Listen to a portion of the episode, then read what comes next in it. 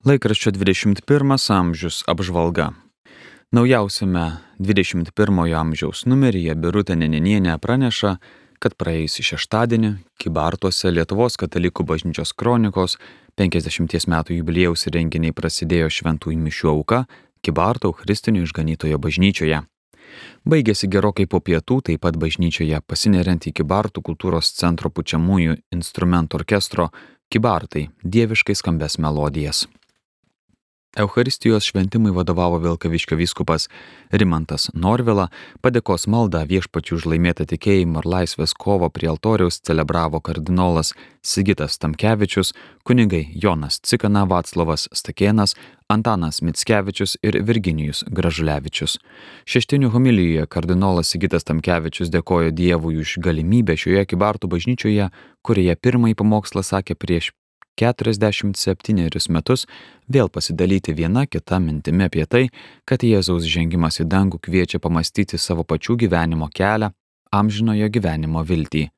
Po šventųjų mišių žmonės rinkosi prie Kibartų klebono kunigo Jono Cikonos iniciatyva iškilusios meninės kompozicijos Kristus su vaikais, skirtos Lietuvos katalikų bažnyčios kronikos 50 metų jubiliejui atminti.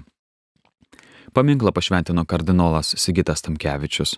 Kibartų seniūno Romo Šunoko žodžiais ir gėlėmis pagerbtas kompozicijos autorius klebono giminaitis tautodailininkas Vidas Cikana iš Lukščių.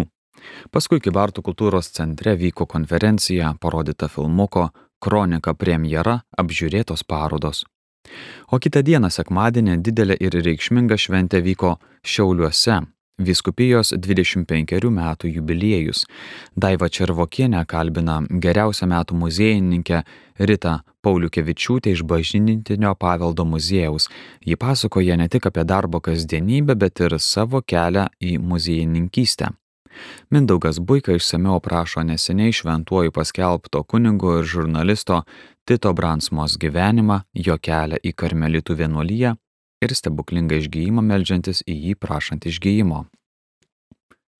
Kiekviename 21 amžiaus numeryje rašantis kunigas Vitenis Vaškelis šį kartą apgailę stauja, kad gegužės 12 dieną Seimas prieėmė žmonių palaikų laidojimo įstatymo pataisas, kurios suteikia galimybę išbarstyti kremuotų mirusiųjų pelenus ne arčiau kaip 5 km nuo kranto Baltijos jūroje ir upėse išskyrus miestus, gyvenamasias teritorijas ir pležus. Beje, dvasininkas sužinojęs, kad po mirusiojo kremavimo jo pelenai bus išbarstyti pavėjui, upėse, jūroje ir panašiais atvejais, turėtų atsisakyti vadovauti laidotuvių apieigoms. Taigi ir po mirties žmogaus kūnas yra vertas atitinkamos pagarbos, primenančios, kad žemėje tarnavo kaip šventosios dvasios šventovė. Mes tikime, jog laikų pabaigoje ne tik sudulėję mirusių kūnų likučiai, bet ir kremuoti palaikai bus perkeisti ir vėl susijungs su savo sielomis, nes Dievas ištesi visus savo pažadus ir jam nėra negalimų dalykų. Kunigas rašo ir apie ateinančio sekmadienio šventę sekminės, šventosios dvasios nužengimo dieną.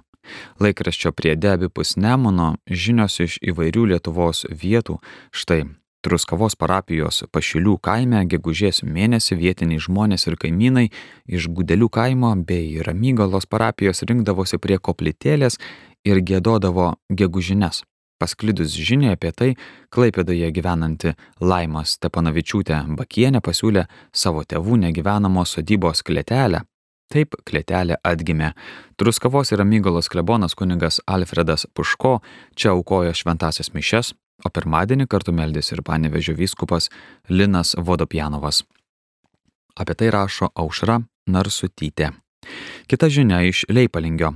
Alvira Grebliūninė rašo, kad iškeliamas į kitą parapiją buvęs klebonas kunigas Paulius Marčiulionis. Šventė savo 50-metį, o parapiečiai sveikindami jį ir atsidėkodami už 16 metų trukusią tarnystę jam padovanojo automobilį Škoda Oktavija. Kitos vietovės, iš kur atėjo žinios, yra Alitus, druskininkai, telšiai, gargždai bei lekiečiai. Išėjo ir laikraštis katalikas, jame vėl rasime kunigo Jono Paliuko pamokslėlį apie išpažintį. Pasak jo, svarbiausias dalykas išpažintyje yra gailestis už nuodėmės, nes jis parodo tikrą žmogaus atsivertimą.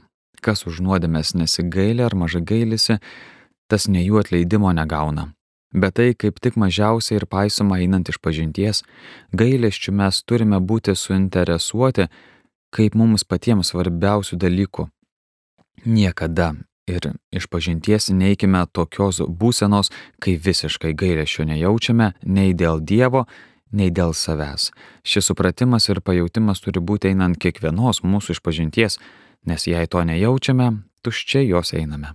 Nuodėmių atleidimo negausime, nors kunigas mums šimtus kartų kalbėtų išrišimo formulės.